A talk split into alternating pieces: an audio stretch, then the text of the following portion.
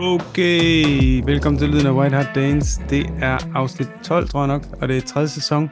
Og det er lidt øh, efter en landsholdspause med ja, lidt øh, tavshed fra os, og det beklager vi. Det var meningen, vi skulle have sendt i sidste uge, og vi ved, at nogle af jer har været efter os, fordi I sad simpelthen utålmodigt og ventede på et afsnit fra os. Det beklager vi meget, men nogle gange så, øh, så er det lidt svært at blive samlet her. Øh, og så, så var det jo sådan lidt ferie, øh, efterårsferie, landsholdspause, øh, så vi, øh, vi, vi tager den på os, men den her gang har vi til gengæld nogle spændende emner med, og øh, vi, øh, vi har også et fantastisk panel, som altid, der er klar til at gøre jer meget klogere derude. Øh, så velkommen til jer, Christian Volny. Hej med dig og dig og dig. øhm, og velkommen til Johannes Båd Mikkelsen. Godt, Andreas, og tak. Ah, jeg vil have kun den nu. Jeg vil have kun den nu. Drenge, I er mit uh, Johan Lange-panel i dag, og det er selvfølgelig fordi, at han er en af de mange, et, et af de sådan, tre-fire emner, vi har øh, nogle emner her, som vi kalder Lange, Luten, Lorteskader og Lytterspørgsmål. Det er de fire eller vi skal igennem i dag. Øhm, fordi her, imens vi har været i tavshed, så har Spurs ansat Johan Lange som ny teknisk direktør, tror jeg nok, det er helt øh, sådan, ja, sort på hvidt bliver kaldt. Og øhm, Johan Lange, han kommer jo fra, senest har han været hos Villa, og øh, før det har han selvfølgelig været, øh, ja, lidt, han er mest alt kendt for sin tid fra FCK, og det kommer vi selvfølgelig tilbage til, og han har også været forbi, øh, kunne jeg forstå, Wolverhampton Wanderers øh, som Ståle Solbakkens assistentmanager. Øh, men det kan vi komme ind på. Øh, Johan Lange, han er relativt ung i forhold til det her flotte CV. Han er 43 år, fylder 44 her om en måneds tid. Øh, og ellers så, øh, ja, så tænker jeg, at vi kommer ind på, hvad, hvad det helt præcis er, han skal, han skal, han skal løse af opgaver for os. Men til at starte med, så kunne jeg godt tænke mig, Volny, du har arbejdet sammen med ham inde i FC København. Kunne du ikke prøve at fortælle vores... Øh, ja, jeg ved ikke, hvor meget du arbejdede sammen med ham. Du arbejdede i hvert fald i FCK, da han ligesom kom igennem. Ikke? Øh, han blev... Øh, han blev ungdomstræner derinde og, og, og arbejdede sig ligesom op. Kan du ikke fortælle lidt om hans tur fra, fra ungdomstræner til, til, hvad skal man sige, ja, nærmest sportsdirektør i Aston Villa? Øh, jo, men den tur foregik ikke i FC København. Øh, FC København hentede ham som, øh, han var cheftræner i Lønby, der dengang lå i den næstbedste række. Øh, ja. og, og hentede ham så ind, da Ståle Solbakken bliver manager. Øh, så skal der ligesom være en til at tage sig meget af det, øh, hvad skal man sige, det praktiske arbejde, det teoretiske arbejde. Øh, og det er der, at, at han blev hentet ind til at, altså teknisk direktør er jo i den sammenhæng managerens højre hånd. Øh, og, og, og det var det, han lavede dengang. Men men han, øh, jeg arbejdede en del sammen med ham, fordi at, øh, der var nogle krydsflader med kommunikationen. Øh, Johan stod jo som chef for rekruttering, øh, scouting osv. Øh, og så var det selvfølgelig Ståle Solbakken, der i sidste ende vendte tommelfingeren op og ned for, for diverse ting og sager. Øh, så, men jeg kan huske, at han kom til, øh, det var ikke det job, han ville have. Altså, han ville gerne være træner. Og, og jeg kan huske, at han fik skrevet ind i sin kontrakt, at øh, han skulle være på træningsbanen to gange om ugen. Og det var også noget, vi insisterede på at, at skrive i kommunikationen, så man lige kunne, kunne, kunne blive holdt op på det. Øh, det endte han selvfølgelig med ikke at gøre, men, men det var sådan, han så sig selv som træner primært, men alle vidste, at han havde nogle evner, som måske rakte endnu længere i forhold til, til det administrative inden for fodboldafdelingen. Så det var, det er derfor, det endte, som det gjorde med ham, men det er jo så den vej, han så er gået videre, kan man sige nu. Øh, det er lang tid siden, han har været fodboldtræner. Til gengæld har han oplevet lidt af hvert som, som administrativ chef i, i fodboldafdelinger.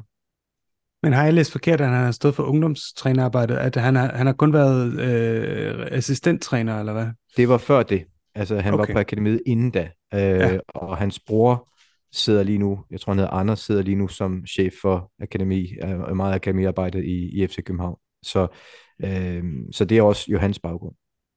Og så kan jeg forstå, at han ligesom har været den lidt mere analytiske chef. Altså man har, hvis man er ikke cheftræner, men assistenttræner. Hvis man er assistenttræner, så kan man være den, der meget er på, der stiller kejlerne ud, ikke og kører øvelserne, men man kan også, som du siger, mere være den analytiske, som måske er, øh, er rådgiver på et eller andet. Øh, er, det, er det der, hvor du ser, at han også har haft sin overvejende sin, øh, sin rolle for Ståle Solbakken dengang? Jo, han har masser af holdninger, øh, så det er ikke fordi, at han ikke kan have det, men han er også, øh, altså nu er jeg jo ikke psykolog, så jeg skal passe på, hvordan jeg bruger det ord, men, men han er sådan udefra set lidt introvert. Altså det er ikke en mand, der mm-hmm. søger opmærksomhed. Det er ikke en mand, som råber højt. Øh, han knytter så meget til de mennesker, som han stoler på. Øhm, og det synes jeg også, hans karriere viser, at de steder, han har været, det er typisk, hvor han har, han har kendt nogen. Øhm, så, så han har jo ikke øh, fra naturens side en personlighed, der gør, at han er en født øh, manager i, i et stort sted, men, men til gengæld med, det, med de evner, han har, øh, og med den grundighed, han har, så er det jo ofte, at der er brug for sådan nogle typer bag den mm. uderfarne type. Så det er jo typisk der, at han, han har fundet sig bedst til rette. Det er, når der var en, som han stod meget på, som ligesom tog opmærksomheden og tog de sidste beslutninger, men hvor Johan har været meget af, af det grundlag, som en succes eller et arbejde er skabt på. Og han var jo så med Ståle Solbakken i Wolves også, øh, som assistenttræner, så hvad, ved, ved du, uden at skulle sådan lægge ord i munden på Ståle Solbakken, hvad det var, han ligesom godt kunne lide? Øh, hvad, hvad var det for nogle, mm, ja, det ved jeg ikke, øh, talenter, han, han mest alt gjorde sig altså forfinet i de, i de år der, og som, som øh, viste sig, at han var øh, excelleret i, hvis man kan sige det sådan. Jamen, Johan er meget analytisk anlagt. Øh, Johan er grundig. Johan elsker at nørde med ting. Øh, Johan er også, eller var i hvert fald dengang på forkant med den udvikling, vi har set mange steder nu, i forhold til, til det her med data på spillere, og, og, og se igennem øh, det, som, som andre bare kigger på med deres øjne. Øh, så, og, og det er jo noget, som en manager sjældent har tid til, og måske også sjældent har lyst til. Så på den måde er han jo et stort aktiv for en, for en fyr som Ståle Solbakken, der er sådan meget hands-on og, og farer rundt og, og, og er der, hvor maven lige nu siger, han skal være. Øh, og det, det ser man jo flere steder, sådan en konstellation. Øh, men, men det er der jo, han er stærk. Altså han har ikke noget behov for, for det vilde vesten og, og, og være forrest hele tiden. Øh, hvis der bliver lyttet til ham, og hvis han har tillid til de mennesker, han arbejder med, så, så skal han nok være glad. Okay, og et, et, et, et sidste spørgsmål til hele den tid, var der sådan ligesom på direktionsgangene i FC København en fra tidlig, han har jo været meget ung på det her tidspunkt, han har været i start 30'erne, øh, da han kom op der, øh, og bliver, og bliver meget stor del af, af træner slash manager teamet. Var der allerede der sådan en, den her unge mand, han bliver, han bliver noget kæmpestort inden for fodbold, han bliver noget, det er jo ikke noget, hver dag, vi ser danske hvad skal man sige, fodboldpersonligheder komme ud og blive teknisk direktør eller Øh, øh, sportsdirektør ude i, i, altså slet ikke i, i Premier League, så altså, det er vel nærmest kun Frank Arnesen og, øh, og så nogle forskellige cheftrænere rundt omkring, der har taget, der har taget den tur. Var der allerede fra meget ung eller sådan en, en, en følelse af, at ham, han vil blive nødt til noget særligt?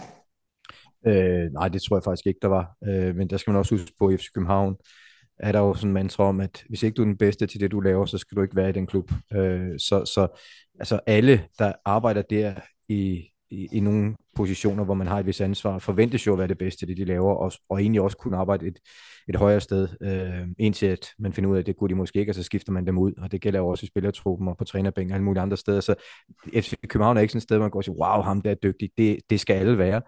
Øh, og så er jo han, han der typen, som, som søger den slags bekræftelse eller opmærksomhed. Så øh, han går, altså, som jeg sagde før, han, han er lidt introvert. Han har en stor tendens til at holde sig op af mennesker, han stoler på. Og, og i FC København var det jo meget stort i Solbak, så det blev jo meget hurtigt Stoles højre hånd, mere end det blev nogen, som andre i klubben måske har gået sig, øj, ham der, han er dygtig, fordi han fortalte mig det her forleden. Øh, jo, han holdt sig til dem, han, han arbejdede med og, og gik stille med dørene, men, men det tror jeg er en personlighedsting mere, end at det, det skyldes, at man ikke kunne have sagt det, du siger om ham, fordi øh, han er, han er jo dygtig til de områder, som, som han beskæftiger sig med. Okay, og så lad os øh, hoppe lidt videre, Johannes. Vi skal have dig på banen også, fordi han kommer jo så fra en kontekst, som du måske kender lidt mere til end, øh, nu ved jeg ikke, hvad de forhold til FCK og den tid, den er, men i hvert fald, øh, du følger jo meget med i Premier League, og han kommer her fra Villa, hvor han har været, øh, øh, først blev han ansat i 2020 som sportsdirektør, og så har han så siden juni øh, 2023 øh, været Global Director of Football Development and International Academies hos Aston Villa, så han blev ligesom, hvis man kan sige det sådan, uden at træde på nogen, degraderet lidt, eller i hvert fald flyttet om møbleret til en rolle, som var lidt mere specifik, kan man måske godt sige, og ikke så meget øh, mand, der sidder på toppen af, af lavkagen. Øhm, hvad, Hvordan ser du hans tid i Villa øh, i forhold til, at, at han nu kommer over til os? Sådan helt overordnet. Ja, men altså som du siger, øh, den her øh, stillingsændring her i sommers, øh, nok svært at se som andet end en degradering, fordi man har jo fjernet ham fra hans ansvarsområde for tidligere, og lidt givet ham sådan en form for kransekage-titel. Øhm, jeg kan huske, ja, nej, selvfølgelig kan jeg det, som helt ung øh, var det student, der arbejdede inde i Finansministeriet, og så blev vi sendt over i departementet. Øh, jeg og to af mine kollegaer, også nogle unge fuldmægtige, fordi vi skulle over tale med en, der var kommitteret, som det hed. Og jeg anede ikke, hvad det ville sige. Men det ville sige, at det var en, øh, der tidligere havde været op på afdelingschefsniveau, som er niveauet lige under departementchef. Og når sådan nogen, de ligesom øh, overskrider deres sidste salgsdato i staten, jamen så bliver de ikke fyret. Så bliver de øh, placeret i sådan en mærkelig øh, inaktiv rolle, der hedder kommitteret. Så han havde et kæmpe kontor over i den her røde bygning, som ligger over ved siden af Christiansborg, og der sad han bare og var en, en rigtig skiderik. Altså, vi kom derover, ja. han talte ned til os, og kommer de nu igen over for processtyrelsen, og hvad ved I mig nu, og så videre. Og øh, der er en eller anden tendens til, at man øh, rykker folk til sådan nogle her stillinger, øh, og det tror jeg også sker nogle steder i fodboldverdenen, fordi alternativet til at rykke ham til det her lidt intetsigende øh, i Villa, ville jo være, at man fyrer ham. Det har man så ikke gjort. Nu er han så kommet til os, og det er vigtigt at se, også i hans øh, job til hos os, han er ikke sportsdirektør. Han er det her lidt intetsigende også technical director, altså teknisk direktør. Og det vil sige, det er ikke ham, der sidder på toppen. Det ved folk jo godt. Det er, altså, det er selvfølgelig Levy, men under ham så er det Scott Munn, der har det overordnede fodboldmæssige ansvar for vores organisation. Og det vil sige, at Lange kommer ind øh, under Scott Munn, øh, og så er det svært at sige, hvor højt hans stemme egentlig rangerer i hierarkiet. Også fordi vi jo fortsat har, har været det Paratici tilknyttet som ekstern konsulent, en måde at omgå hans karantæne på. Og det vil sige, umiddelbart ser jeg, at Lange han er hyret, fordi han kan noget på det her datadreven organisation. Analyse, som Voldny også siger, han er en analytisk fyr. Øhm, han arbejder med data, han arbejder med analyse, og det er jo den måde, vi også her i sommers har øh, haft vores tilgang til transfermarkedet.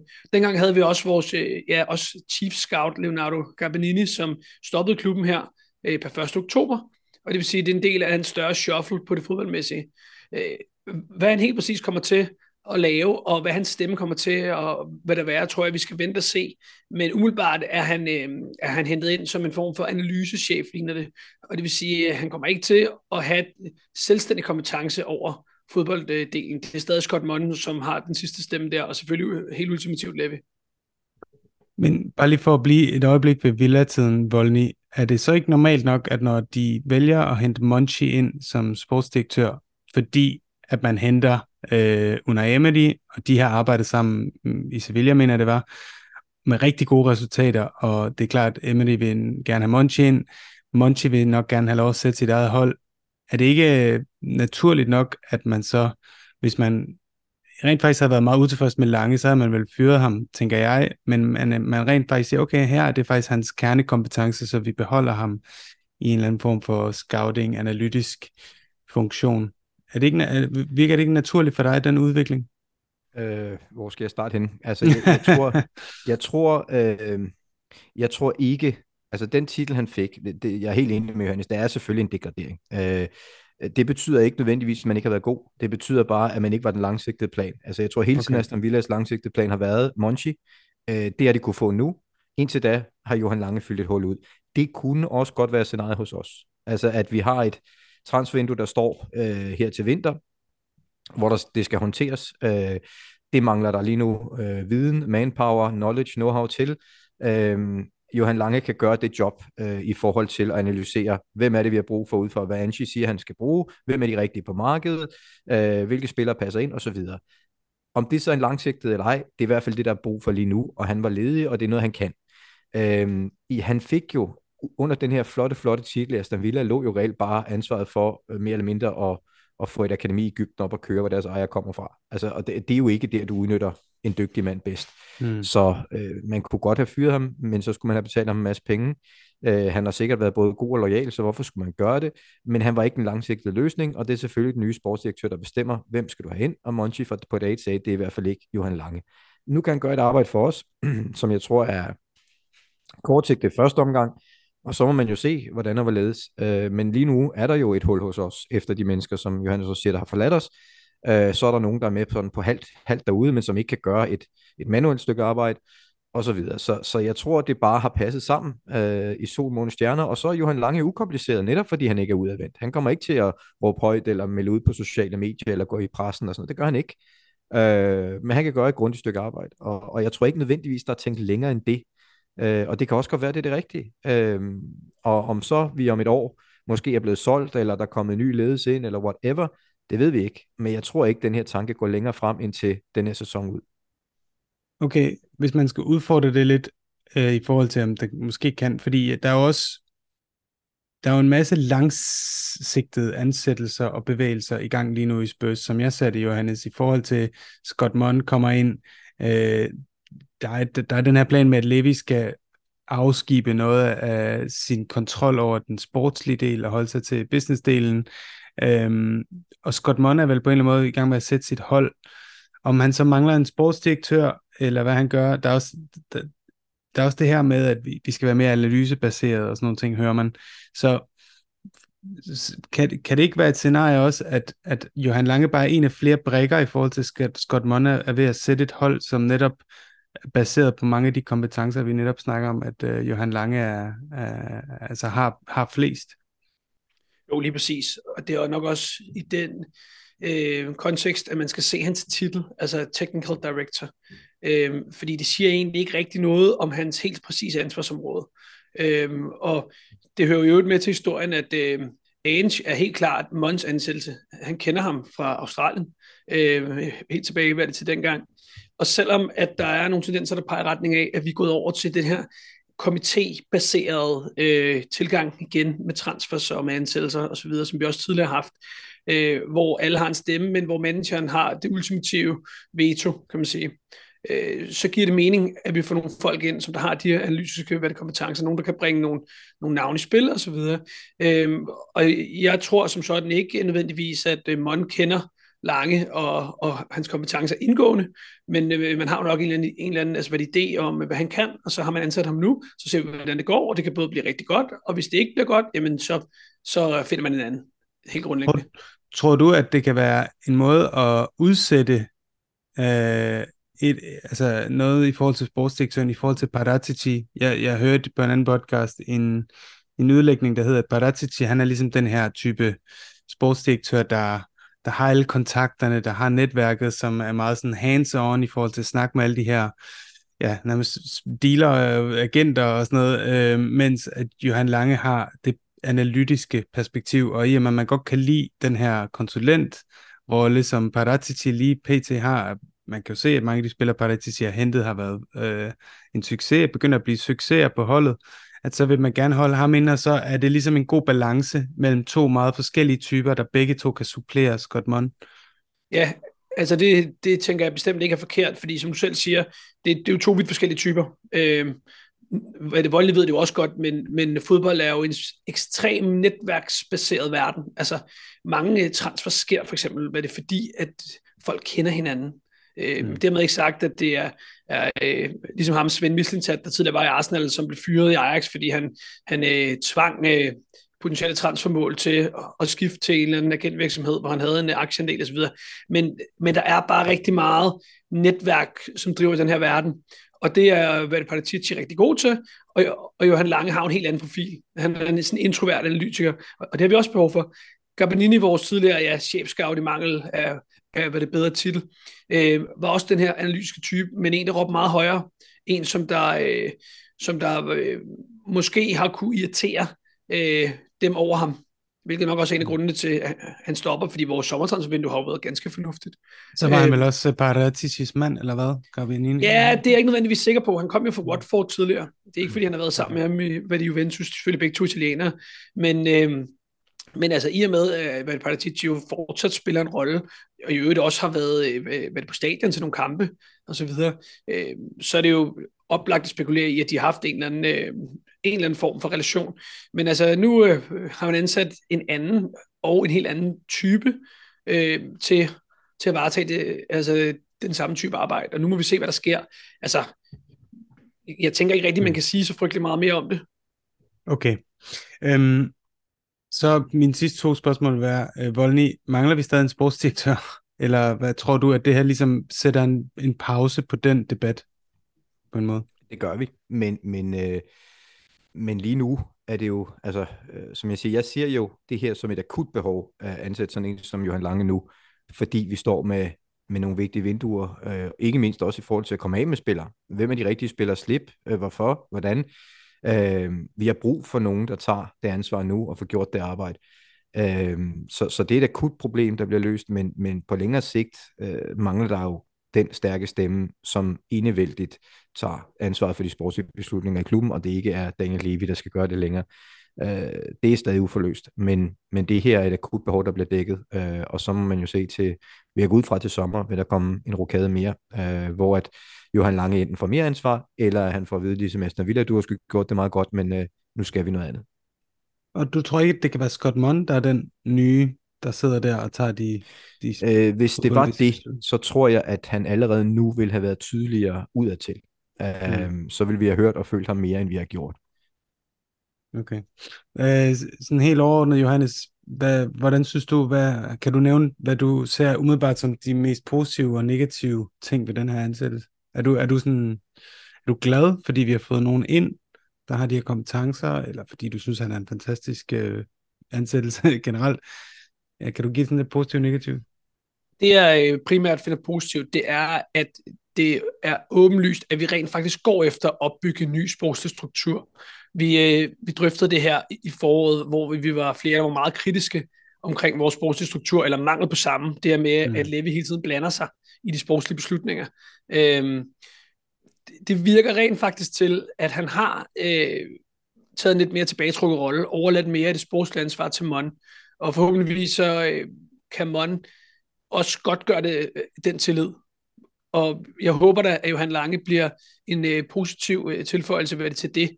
Øh, men helt grundlæggende har jeg ikke nødvendigvis noget at sige om ham personligt, men det er mere, mere hvad det samlede billede, at der rent faktisk virker til at være en plan nu. Fordi det var noget af det, som vi var mange, der var meget kritiske over her i foråret, at det simpelthen virkede, øh, virkede til, at vi ikke havde nogen strategi, og vi ikke havde nogen langsigtet fodboldmæssig plan.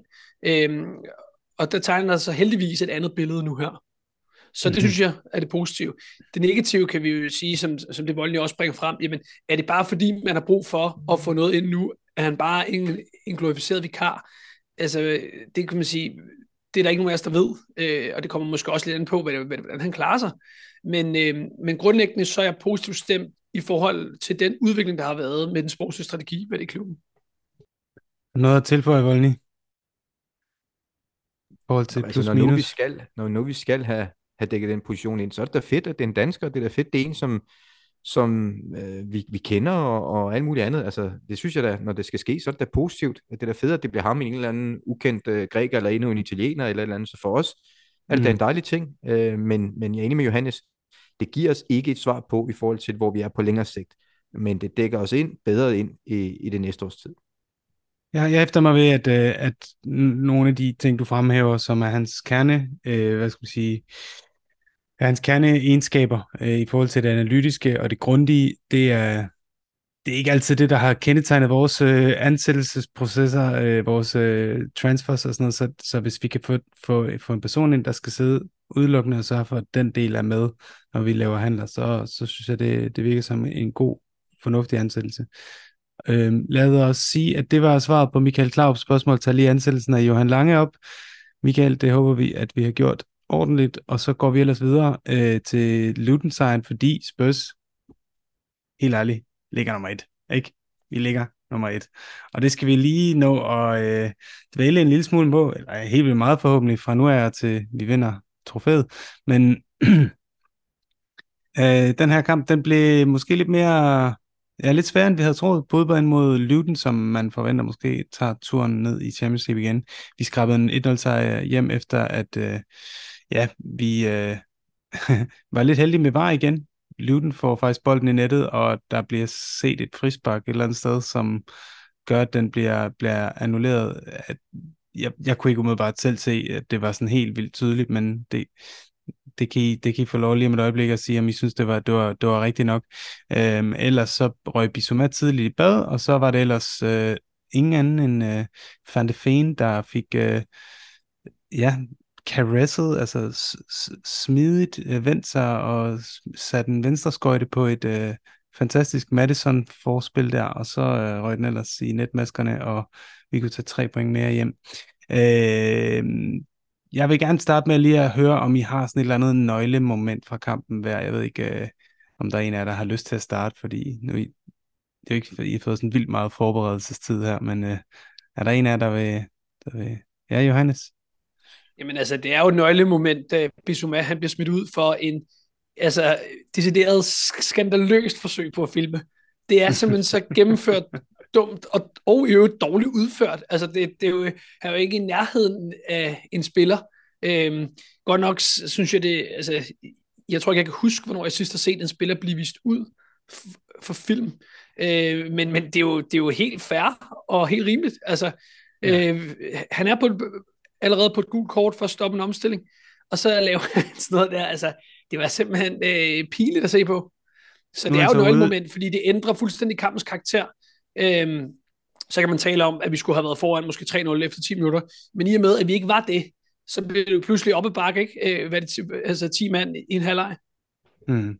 Og nu er han så ude imod Fulham, øh, og så kommer han så potentielt tilbage mod Crystal Palace, men altså tilbage på fire gule kort, det vil sige, hvis han får gule kort i den kamp, så er han ude mod Chelsea, som er den tredje kamp i de næste tre. Øhm, tror, altså bliver, bliver det her Pierre Emils måske ene store chance for at spille sig på altså tættere på startopstillingen, øh, og hvis ikke han formår at gøre det, så, så ryger han til januar. Hvad tror du? Nej, altså, jeg tror som sådan, altså hvis han ikke spiller fast, så tror jeg gerne, han vil skifte Pierre Emil, fordi han vil selvfølgelig gerne spille øh, fast, hvilket giver god mening.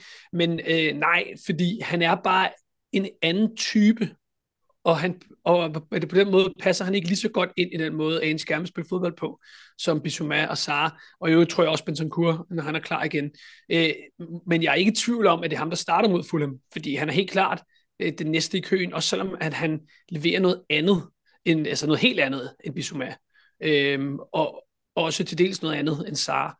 Øh, så jeg tror, han øh, som altid øh, møder op, spiller en, en øh, kamp med et, øh, med et solidt bundniveau, øh, og leverer det, han øh, skal.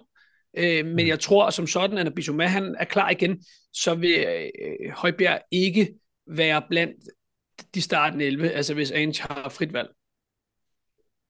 Det er lidt uheldigt for Pierre Emil, at han får sin anden start i sæsonen mod Fulham, som han også fik sin første start imod, så han har forhåbentlig en lidt bedre øh, oplevelse her på mandag, når han skal spille mod Fulham, end han havde i august, da vi røg ud af, af Ligakoppen. Volny, øh, ja, du skal også have chance for at komme med et, et, et moment, eller noget, du gerne vil fremhæve for kampen, helt overordnet set. Øh, ja, altså, efter et kvarter øh, havde vi været foran 3-0, hvis Harry Kane havde været med. Og det er første gang i denne sæson, hvor jeg rent faktisk synes, vi betaler en pris for ikke at Harry Kane. Og det slog mig egentlig som, hold kæft, hvor er det flot, at det første er nu, jeg, jeg sidder og føler, at vi mangler ham, mm. øh, når man lige har mistet øh, måske verdens bedste nier. Øhm, så øh, det tager jeg hatten af for. Altså det synes jeg fandme imponerende. Det første nu, jeg sidder sådan for alvor og savner ham lige præcis den kamp, fordi de tjuskede så meget med de afslutninger. Og det gjorde han altså ikke. Men omvendt, at for mig det store moment er, at når man nu har pisset en hel halvleg væk, øh, og så samtidig får det hjerne, mest hjernedøde røde kort nogensinde, og du så står og kigger ind i pointtab, øh, at man så får samlet holdet om det i pausen, og det jeg håber egentlig, der kommer ud af det moment, var, har I lært noget, venner? Har I lært noget af det? Fordi vi kommer fandme til at smide mange point i denne sæson, som kan blive rigtig dyre, hvis man virkelig vil op og, og have været med helt op, hvis ikke vi kan undgå lige præcis det. For den der kamp skal jo lukke efter kvarter, og så kan du spacere mm. nogle kræfter hjem og, og så videre. Ikke? Det havde de fleste andre store hold gjort. Uh, vi, var, altså, vi kunne have tabt den der fodboldkamp mod det mm. dårligste hold, vi nogensinde kommer til at møde.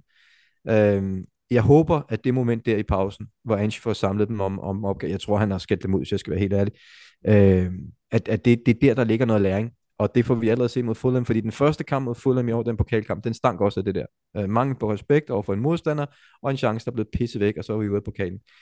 Øh, så jeg håber det moment, at der ligger noget læring i det. Øh, fordi mm. øh, de der hold, så kan bare køres over. Og det blev de jo også, men vi scorede ikke. Og så lige pludselig er vi også i undertal.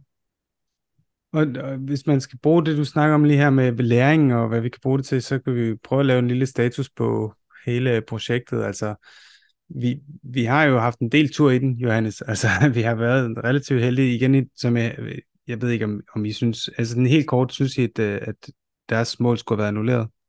Ja, Jeg synes, det er helt klart, at der bliver begået frispark på Romeo. Og jeg okay. synes, hvad det kan ikke forstå, at nogen skulle synes, vi var heldige der, for jeg synes, det er det rigtig kald. Det er jo ikke var, der redder os. Det er dommeren, der ja. dømmer det. Okay, okay. Så, så ja. der, er ikke, der er ikke noget var-drama der. Nej, og, jeg, jeg tror, og, man behøver heller ikke at være Liverpool Og altså, det ligger jo inden for dommerens skøn, så der er ikke nogen grund til, at VAR skal gå ind og se på det. Nej, det er jo okay. lidt mærkeligt, fordi det er som om, alle tror, at kampen er stoppet. Altså, hvad du dukke står og kigger, alle står bare og kigger på bolden, der rammer overlæggeren. Og så, ja. øh, så, så alle øh, hører dommers fløjte, tror jeg, i første omgang. Men der ja, sker jo så det med, at det tager enormt lang tid, fordi ham Lockyer der ligger ned og alt muligt andet. Mm. Så der er lidt forvirring i situationen, men det må næsten være, fordi dommeren, dommeren han har fløjtet allerede på det tidspunkt, at alle bare står og kigger. Du, du, kan, ikke, du kan ikke skubbe en mand på den måde væk. Præcis. hvis han kan have indflydelse på spillet, uden at der er frispark. Altså det, det, det, jeg, jeg, jeg har set den 100 gange, og jeg, hver eneste gang har jeg set, det, det, det er frispark. Okay. Øh, jeg tror, det skulle være Liverpool, der var et andet hold, før, vi kunne, før man lyttede til, til den der klage.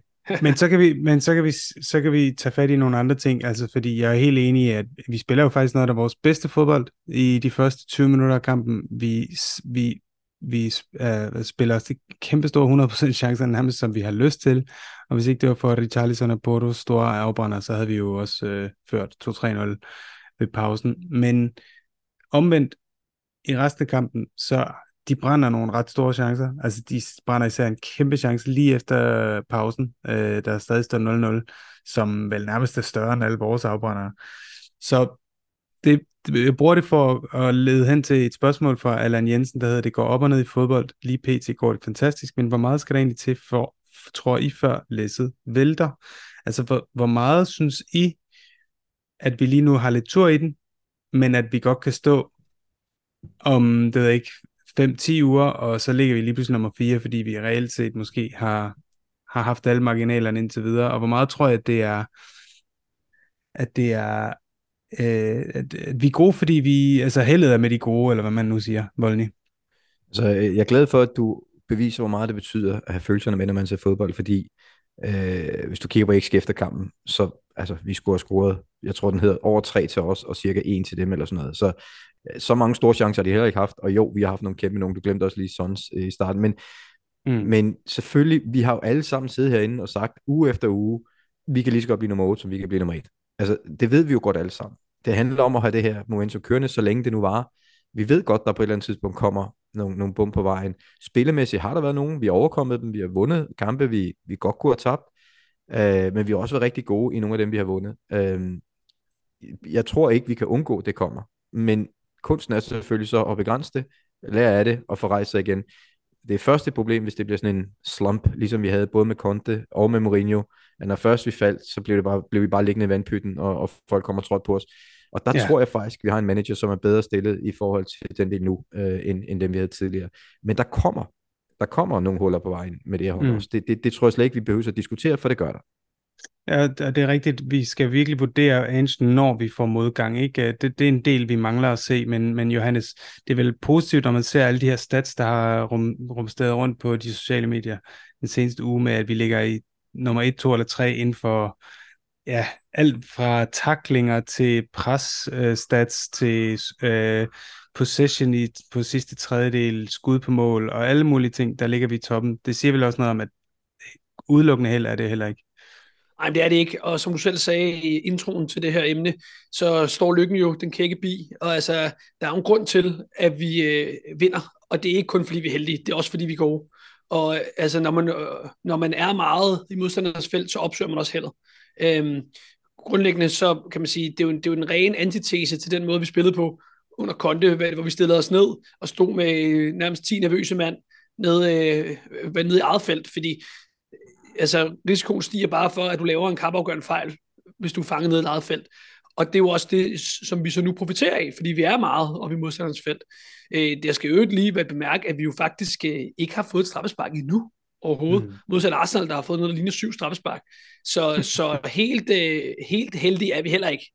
Øhm, men der, hvor jeg kan frygte, at der kan være noget, som, som der tipper den her marginalbalance, hvor jeg ellers er enig i, at vi har haft marginalen på vores side. Det har været mere stolpe ind, end det har været stolpe ud. Måske lige med, med undtagelse af vores afslutning af de første 10 minutter under Luton-kampen. Men vi, altså, hvis vi får en skade til en af vores nøglespillere, og når jeg siger det, så er det enten vores målmand, vores to centerforsvarer, vores venstreback, Madison eller Son, så kunne jeg godt se det gå den anden vej, fordi fodbold er, på det her niveau er jo et spil om marginaler. Altså det, det er så små ting, der afgør, hvilken vej kampene går. Og, øh, og man må bare sige, at for eksempel Madison har jo været helt central for vores øh, offensiv indtil videre. Øh, og det er også Men... ham igen, som der skaber målet ud mod Luton. Mm. På, egentlig nogenlunde på samme måde, som han øh, skaber Sons 1-1 udligning mod Arsenal, hvor han lige runder en mand øh, og helt ud på kanten og får lagt den tilbage i feltet. Men til gengæld så har vi lige ansat Johan Lange, så han skal nok sørge for, at vi får boostet den trup. Hvad hedder det, øh, Voldny? Øh, vi har også fået altså en anden, noget andet, man kan skyde sig i skoene, det er, at programmet har været let. Øh, Søren Lilja Petersen han skriver, hvad tænker I om, at vores startprogram har været den lettere ende, men you hjemme og Arsenal ude, ellers kun hold, der burde være lande i den tunge ende, der glemmer han sig lige Liverpool. Okay. Vi har endda haft problemer et par gange. Øh, her tænker jeg nok på Sheffield United, du ved, overtiden Luton, vi hiver den hjem med Hiverslæb, vi, vi får kun et point mod Brentford, som siden da har tabt hjemme til Everton og spillet uafgjort til et andet bundhold, så, så gode har de heller ikke været. Han spørger, holder vi damp med resultaterne oppe, når modstanderen bliver bedre i resten af sæsonen? Øh, jeg synes ikke, vi har haft et let program. Øh, mm. Det synes jeg faktisk ikke. Det, det har det jo, altså nu har vi vundet mange kampe, og så, så virker det jo som om, nå okay, men, men de der, de var heller ikke så gode, altså, men, men det kunne, altså de hold, vi har mødt, er jo hold, vi før har smidt massevis af point mod. Øh, når, når vi er i krise, så er det lige meget, hvem vi møder. Skal vi nok finde en måde at smide point på, og når vi er flyvende, så slår vi jo alle. Uh, vi har spillet hvad, 40% vi har mødt, hvad bliver det sådan noget, 40% af holdene nu, uh, mm. agtigt, og vi har mødt tre af de store. Det er vel sådan nogenlunde det, man møder på, på 40% af en, af, af en halvdel, ikke? Uh, jeg synes, vi har, vi har ikke haft et svært program, vi har heller ikke haft et let program. Jeg synes, det har været sådan mm. Nogenlunde. Ja. Uh, men, men altså, uh, Spurs, bare husk sidste sæson, hvem vi smed point til, og så, uh, så tænk lidt over det. Ja, Johannes uh, Allan Jensen, sidste her på vores, hvad skal man sige, status på Ange-projektet. Allan Jensen spørger os, om du tror, vi er bag Ange, selv hvis vi ender med at ende uden, top, uden for top 4. Altså, hvis de her bump bliver lidt for store i forhold til, at vi når den her gyldne top 4, tror du så stadig, vi vil være helt bag ham? Ja, eller det vil sige, det tror jeg, så længe at vi fortsætter med at spille på den måde, han gerne vil have os til at spille på. Altså, der var mange, der allerede her sommer sagde, nu er jeg egentlig ligeglad, om vi bliver nummer 8. Jeg, nu vil jeg bare gerne underholdes. Nu vil jeg gerne se noget offensiv fodbold igen. Øhm, og altså, hvis man ser på Angels øh, karriere, så kan man se, at han spiller jo konsekvent og kompromilløst på den her måde. Nu er han nok i den klub, hvor han har haft de bedste spillere til rådighed til hans øh, stil. Og helt grundlæggende, så må man sige, altså hvis man er, har nogle rigtig gode forsvarsspillere, som er hurtige, som er gode til at, øh, at, at presse op højt, som vi har lige nu, øh, så kan man komme rigtig langt med, det, med denne stil. Fordi vi har også øh, nogle rigtig gode offensivspillere, som nok skal sørge for, at vi får scoret på, et, på i hvert fald et par stykker af de øh, chancer, som vi uværligt vil skabe i hver eneste kamp, når man spiller på den her måde. Mm. Det hører med til historien, at Luton er jo faktisk den første kamp i denne sæson, hvor vi scorer mindre end to mål i Premier League. Ja, ja. Øh, og, og tidligere, altså, når vi har spillet på den her måde, jeg husker rigtig mange kampe under Poch, særligt øh, det første år, de første to år, hvor vi dominerer spilmæssigt. Vi har rigtig mange skud, og så taber vi 1-0 på et eller andet tubbet hjørnspark, øh, for eksempel. Det er en klassiker, den der, hvor at vi, øh, at vi aldrig rigtig kommer ind og bliver rigtig farlige. Altså, vi har bolden rigtig meget, vi er oppe på modstander sidste tredjedel, men vi får ikke kreeret de helt store chancer. Og der er mm. Anges system her, vel indtil videre, altså det kræver rent faktisk nogle chancer, som er så store, at vi bør score, og det gør vi også, fordi vi har rigtig dygtige afslutter. Helt grundlæggende, for eksempel Son har altid klart outperformet hans expected goals. Altså han scorer simpelthen bare mange flere mål, end du kunne forvente af, en, af den gennemsnitlige fodboldspiller. Og det vil sige, med den mængde chancer, som vi skaber, så skal vi nok blive ved med at score mål og også underholde. Og det vil sige, ja, hvis vi render ind i nogle ærgerlige øretæver, hvor det går lidt imod os, øh, hvor er jo, han er ude med en skade, og vi pludselig slet ikke er så gode med nede bagved, så skal der nok være nogle kritiske ryster, men det vigtigste er, at vi fortsætter den her stil helt kompromisløst. Mm. Altså, tror på det, fordi det, det helt grundlæggende kan man sige, spillerne tror jo på, at vi kan slå alle hold, fordi vi spiller på den måde, vi gør.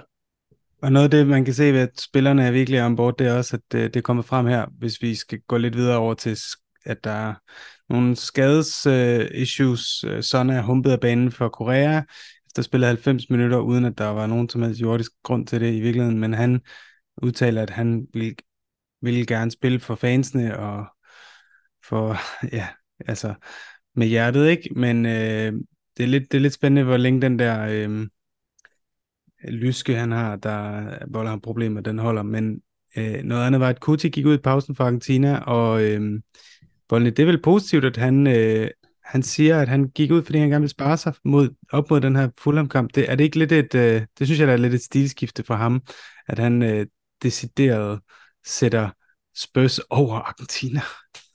Ja, hvis det er det, han har gjort. Øh, det er i hvert fald det, han har sagt. Øh, for mig er de to hårdeste modstandere for Tottenham skal få succes over. Det er det argentinske landshold og det koreanske landshold. Øh, det er dem, der har ramt os hårdest tidligere. specielt det med Son, synes jeg er dybt bekymrende, at han er så stor en held, og han har så stort et hjerte, at han kan jo ikke... Jeg tror, som jeg, det har vi også snakket før, det der sidste sæson, det var på grund af VM, at han, han ikke kunne overskue, ikke at skulle gøre det for Korea, og så spiller han i sæson med, med en eller anden skade.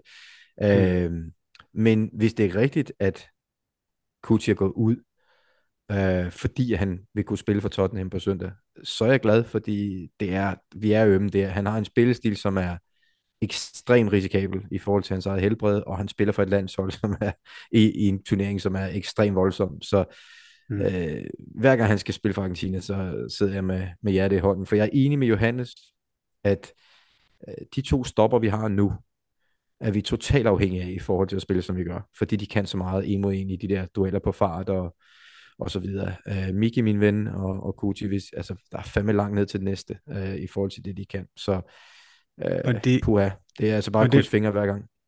Det var også Van de Ven, der fik uh, 57% af stemmerne i forhold til Man of Match imod Luton, og det var Romero, der var to. Uh, men uh, vi skal også lige huske at nævne Vicario, der igen har nogle... Ja, det skal I huske en, at nævne, ja. ja. En fejlfri kamp. Ja, nej, men det er ikke mig, der vælger de her spillere. Det er jo det er Mikkel, der lige skal måske koncentrere sig lidt mere om målmandspræstationerne også.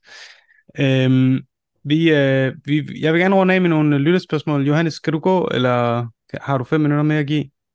Jeg har altid fem minutter til dig, Andreas. Okay, så lad os uh, prøve at starte her fra Nikolaj Ebeltoft, som spørger, er voldelig, den kunne faktisk godt tænke mig at give dig den her. Hvem for Nej, jeg troede, at du gav den til Fedterøven først, men okay. Ja, ja. I, kan godt, begge to, I kan begge to få lov at sige, hvem I synes. Hvem for podcast-teamet har størst mulighed for at spille sig på Angels hold, og hvorfor? Okay, og den kan jeg godt svare på, fordi det synes jeg skal være mig selv. øh, og det, altså jeg er lidt oppe i årene, det ved jeg godt, men, men jeg har en hårdhed og en erfaring til de der sidste fem minutter, når det kniver lidt på udbanen i Brentford og sådan noget. Der tror jeg godt, jeg vil kunne komme ind og, og få lidt gejst. Ja, hvis jeg kan gøre de andre 10% bedre med min tilstedeværelse, har jeg allerede leveret 100%, ikke? Så Uh, du jeg lyder, tror, jeg du lyder som Pierre Emil. Fem minutter. Uh, uh, men kun i de kampe, hvor, hvor vi har noget, vi skal forsvare. Ellers så, så tror jeg ikke, at den rigtige. Men jeg kan bare ikke se, når jeg kigger mig omkring, så kan jeg ikke rigtig se, hvem der ellers skulle kunne gøre en stor forskel der. Så det bliver mig selv. Du har heller ikke set mig på en fodboldbane, og hvor jeg har Nej. en ufattelig motor. Så men jeg har til gengæld sige... ventet længere på at, at spille for Tottenham, end du har. Ja, okay, det er rigtigt. Det synes jeg okay. faktisk er det helt afgørende argument der. Altså, han smider lige alderskortet, Voldene. Og øh, jeg vil sige, udover at jeg jo har hørt, at øh, man kalder Andreas for den hvide Sara, så meget som han løber, så, øh, så vil jeg også sige, at jeg, jeg tror sgu det er Voldelig, faktisk. altså Voldelig, han spiller jo oldboys fodbold med Michael Essien, som jeg håber, han øh, hver gang de mødes øh, takker for hans øh, mange langskud mod Arsenal. Så, øh, så, så jeg, må også, jeg må faktisk bøje mig her, og jeg, siger, jeg tror også, det er Voldelig. Vi snakker tit om Arsenal, øh, og hvor nederen de er. Så øh, han er en god dreng. Og, så, og Søren Kolding er også på mit hold. Så jeg har masser af, af god sparring i hverdagen også. Ja, det er godt. Øhm, så øh, har vi et spørgsmål fra Mikkel Julesgaard. Mikkel, som glemmer Vicario hver gang vi skal lave afstemninger. Tror I, det bliver nemmere for os at sælge spillere med vores mere positive spillestil? Det synes jeg faktisk var et meget interessant spørgsmål. Hvad, hvad, hvad, hvad, hvad tænker du om det, Johannes? Ja, det er et godt spørgsmål, fordi det kræver jo, at det er nogen, øh, der spiller. Og indtil videre må man sige, at øh, dem, der spiller, det er jo nogen, vi ikke vil sælge. Så, øh, så jeg, jeg kan ikke rigtig se, hvorfor det skulle gøre det nemmere at sælge Dyer, for eksempel. At vi mm. spiller uden ham. Øhm, det er jo helt klart, at han ikke er en del af planerne, og det er jeg også helt enig i, fordi hans skillset passer slet ikke til den måde at spille fodbold på. Øh, det er nok faktisk, så vil man udstille hans svagheder, hvis man spiller ham i det her system. Både hans, øh, hans manglende speed, hans øh, langsomlighed med de vendingerne, og hans enorme blindhed for alt, hvad der foregår bag ham. Øh, jeg læste, at øh, Mourinho skulle være interesseret i ham, og hente ham til Roma, og det tænker jeg virkelig som, som, som et godt match. Øh, stå lavt og, og, øh, og vente på at lave fejl. Ikke? Så, øh, bold væk. så, så, så, så jeg kan ikke se, at nogle af dem, vi gerne vil af med, skulle blive nemmere at sælge, øh, fordi det går godt. Men hvis det er nogle indskiftningsspillere, som vi gerne vil af med, jeg, jeg tror som sådan ikke, at det, øh, at det sænker værdien på Højbjerg for eksempel, at han ikke starter. Øh, der vil vi acceptere de samme bud, som vi gjorde i sommer, og vi forventer også den samme pris. Fulham bød jo 30 millioner pund, fik det accepteret, hvor at, øh, altså hvad det, Atletico de kun kunne formaste sig til et lån med, med option på samlet 18 millioner pund øh, næste sommer, og det vil vi selvfølgelig ikke acceptere. Så jeg tænker, øh, ja, hvis der kommer nogen, Juventus er også øh, blevet nævnt, de kommer over til at, at mangle nogen på, på, på midtbanen med diverse bettingskandaler, men øh, jeg kan ikke se, hvorfor at det skulle blive nemmere for de spillere, der ikke spiller i hvert fald, at sælge dem. Jeg, tro, jeg tror faktisk, det bliver nemmere, men det er bare baseret på de erfaringer, vi, vi havde dengang under Pochettino. Lige så snart der kom noget medgang, så fik vi bud på et sæt brugte sutsko også. Altså lige pludselig var det interessant. Så, så jeg tror, det har en effekt, men det er klart, dem der slet ikke spiller, øh, det er ikke dem, der står for skud. Det er dem, der spiller eller spiller noget, som lige pludselig kan være interessante for, for andre, og det har vi også brug for. Øh, det, jeg vil ikke have noget imod at sælge nogle af de der fringe-spillere lige nu. Øh, det skal vi nok kunne instatte, så længe vi holder fast i, i de der syv, som er ryggraden. Øh, jeg tror også, at øhm, når vi lige får lidt mere tid til, at lidt flere spillere har fået vist sig, altså nu har vi en del skader, for eksempel Wings, så jeg håber da, at spillere som Hill og Brandon Johnson, når han kommer tilbage, får nogle flere kampe, og det kan godt være, at de ikke ender med at blive en del af startelveren og Anges projekt om 6-12 måneder, men jeg kunne godt forestille mig, at det faktum, at vi simpelthen bare spiller sprudende angrebsfodbold, og har bolden meget op, hvor de spiller, det gør, at de vil, der, vil være, der vil være meget større materiale for andre klubbers scouting-afdelinger og sådan noget til at sige, at han har måske nogle af de kompetencer, vi har brug for, hvor imod hvis man spiller for Mourinho, så har man bolden to gange i løbet af en kamp op på den øh, del af banen, og er ved Gud ikke øh, nogen specielt stor plakatstolpe for at blive solgt. Øh, anyways, øh, lad os øh, gå videre. Vi har, øh, ja, vi har øh, Vi har øh, et spørgsmål fra Bringsby. Jeg ved ikke, om Bringsby kommer til at sende det her spørgsmål hver uge, men øh, Johannes, could we? Nu har vi jo, øh, det han har til, er selvfølgelig, om vi kunne tage titlen. Nu har vi jo lige snakket om, vi har Fulham hjemme, så har vi Palace ude, vi har, øh, så har vi øh, Chelsea hjemme, og vi har i øvrigt også spillet flere udkampe end hjemmekamp allerede, så vi har fået nogle af dem på banen hvis vi, hvis vi tager 9 point for de næste tre kampe, og især hvis vi undgår nederlag mod City, som kommer her rundt om hjørnet i, jeg tror, start december, så kunne vi vel godt, eller hvad? Jeg, jeg vil sige, jeg håber, hans navn på de sociale medier, man stille det spørgsmål, det er uh, Alan Jinx Bringsby, fordi uh, du talte om det tidligere med de her marginaler.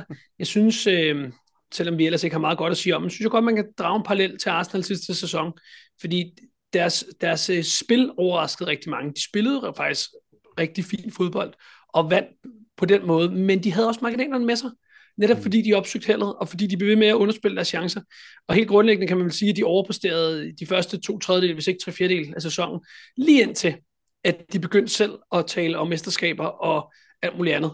Så, så øh, det er svært at kalde det jinx, men det gør et eller andet, hvad det mentalt. Så jeg, jeg vil helst øh, stadigvæk fastholde os i underdog-rollen, vi, øh, vi spiller øh, og, og møder dem, som vi nu møder, hvad det er hver uge, og så må vi se, hvor langt det kan bære os. Men jeg vil godt komme med et kontraargument, som er, at Arsenal havde øh, en godt nok lettere europæisk turnering sidste år, men de var i Europa, og det er vi ikke i år. Så jeg vil, vil egentlig hellere sammenligne os lidt med Leicester i den sæson, hvor vi lå og kappedes med Leicester, i forhold til, at vi ikke har Europa, og måske også i forhold til, at der var ikke rigtig nogen af de store favoritter, der præsterede det år. Og jeg kunne godt se for mig i år, at Liverpool, Arsenal og City, de kommer sådan til at tage point fra hinanden sådan lidt på skift. Kan du følge mig her? Og så lige pludselig så... Jeg, jeg vil i hvert fald hellere sammenligne med Leicester, hvis vi tænker på, hvad enderesultatet blev. Ja, øh, præcis. så, så den er jeg sådan set med på. Men altså, jeg, jeg holder fast i det, jeg sagde også ind i slutningen af sidste sæson. Jeg har det fint med, at vi ikke kommer i Europa. Det kommer til at give, være en kæmpe for fordel for os, at vi har så meget træningstid på banen, når vi skal implementere noget nyt og få nogle nye idéer ind med en ny manager. Øh, det er en kæmpe fordel for os, at vi ikke spiller i Europa. Øh, nok også, at vi røg ud til Fulham så tidligt i den ene pokal, så vi har så meget tid på de træningsbaner, og vi kan se den, det fremskridt, der er. Øh, det var nok mindre skadeligt for Arsenal, som var i år, år tre med Arteta på det tidspunkt. Altså, så har man ligesom fået inkorporeret noget mere. Jeg, jeg håber, øh, og skal jeg vælge mellem en Leicester-case og en Arsenal-case, så tager jeg da også Leicester-casen selvfølgelig. Okay, og så sidste spørgsmål der kommer fra Nikolaj Abeltoft igen, som siger, jeg er pt. på barsel, og en til to gange lyden af White Hot Dance er ikke nok til at fylde de lange gåture med barne- og klapvognet, og det er vi selvfølgelig rigtig ked af, Nikolaj. Du kan jo altid bare spille dem igen på repeat, det, det bliver det helt sikkert ikke dårligere af. Øh, men jeg forstår godt, at du er budgift af flere podcasts. Han skriver, at jeg er begyndt at lytte til lidt engelske podcast, hvor jeg blandt andet faldet over The Fighting Cock, Show Gutter, hvad kan I ellers anbefale af Spurs podcast, hvis ellers I kan, og vil anbefale andre podcast. Og det vil jeg rigtig gerne, så jeg har lavet en liste her, så nu må du gerne lige finde pen og papir, sætte den her på pause, og så ellers skrive noget her. Hvis du godt kan lide det nørdede analyse og taktik og scouting af nyheder, så skal du høre The Extra Inch. Der er, der er nørdet de godt ind i det. Du skal ikke gøre det, hvis du øh, har et alder med Pierre Emil derhjemme, fordi så bliver du rigtig ked af den måde, de, i hvert fald nogle af dem, øh, snakker om ham. Uh, The Fighting Cock nævner du selv, det er en, en fantastisk banter podcast. De har også et uh, stort netværk inde i uh, uh, inde på um, uh, Discord, hvor man kan betale sig fra og, og, og være med og uh, høre en masse ekstra podcast, blandt andet med Mark Kattehat, som tit er med der til at lave optagter og nedtagter. Uh, så skal du høre The Game is About Glory, hvis du godt kan lide uh, rigtig nørdede takes, hvor de vender alle nyheder i Spørgsland, alt fra ende til anden. Og øh, ellers så synes jeg, at der er øh, nogle journalistpodcasts, som er, er gode at lytte til os. Der er for eksempel Golden Guest Talk Tottenham, det er journalisterne fra Football London, som øh, dækker Spurs, der har en ugenlig podcast, en til to gange om ugen, hvor de vender alt nyt, og de har jo rigtig gode insights. Øh, og så er der selvfølgelig øh, The Athletics podcast, som hedder... Øh, Ah, Ja, den er, den er faktisk lige gået... Øh, jeg har ikke fået skrevet ned, men den hedder øh, News from the Lane. Nej, hvad pokker? Og det kommer tilbage lige om lidt, men det er i hvert fald det Athletics øh, journalister, som, øh, som dækker Spurs, og de er jo også med i alle pressekonferencerne, så derfor så, så har de rigtig sådan tæt og gode, altså tit gode historier også fra, fra deres encounters med, med, med, med, med Ange Postecoglou og de forskellige trænere og deres forskellige spillerinterviews, øh, og så har de selvfølgelig kilder inden for, inden for klubben, så det var i hvert fald en række The View from the Lane hedder den, så det var, det var i hvert fald en række anbefalinger. Jeg ved ikke, drenge, om der er nogen af jer, der har nogle anbefalinger. Det var, øh, det var public service, vil mm. jeg mhm. sige. Hvis jeg skulle give et, øh, et lille praktisk øh, råd, hvis man skal have det til at strække lidt længere, når man er ude og går tur, så afspil den på halv hastighed. øh, så var den lidt længere. Det eneste, man så går det eneste, du taber ved det, øh, det er, at øh, Johannes' stemme så selvfølgelig også ændrer sig, og, og den er god i real time, fordi han, han minder lidt om Ange. Har du lagt mærke til det også, Andreas, på stemme? Johannesen har ja. den der Ange øh, rust. Jeg synes faktisk, mate, Johannes mate, har en, mate. en meget lysere stemme end Ange har. Jeg kan ikke helt Jamen, jeg kan godt lide rusten. Jeg kan godt ja, okay. den rust der. Ja, nej, men jeg synes helt klart, at det med den halve... Ej, jeg synes faktisk, repeat er en bedre idé end, uh, en halv, halv Ja, det kan man også. Jeg, jeg vil sige, hvis der, Hvorfor, Andreas? der er en mangel derude på markedet, hvis jeg skal være helt ærlig. Fordi jeg er enig med dig, der, der er selvfølgelig mange muligheder, specielt hvis man kan lide nogle engelske podcasts. Men jeg synes, der mangler en, som kun kigger tilbage på historien i Tottenham som mm. snakker om, hver episode kunne være en af de der legendariske kampe i 80'erne, i 60'erne, eller dengang der blev samlet nogle hold. Altså, der er så meget stof at gå til, som vi alle sammen vil elske at, at uddanne kan man jo, med.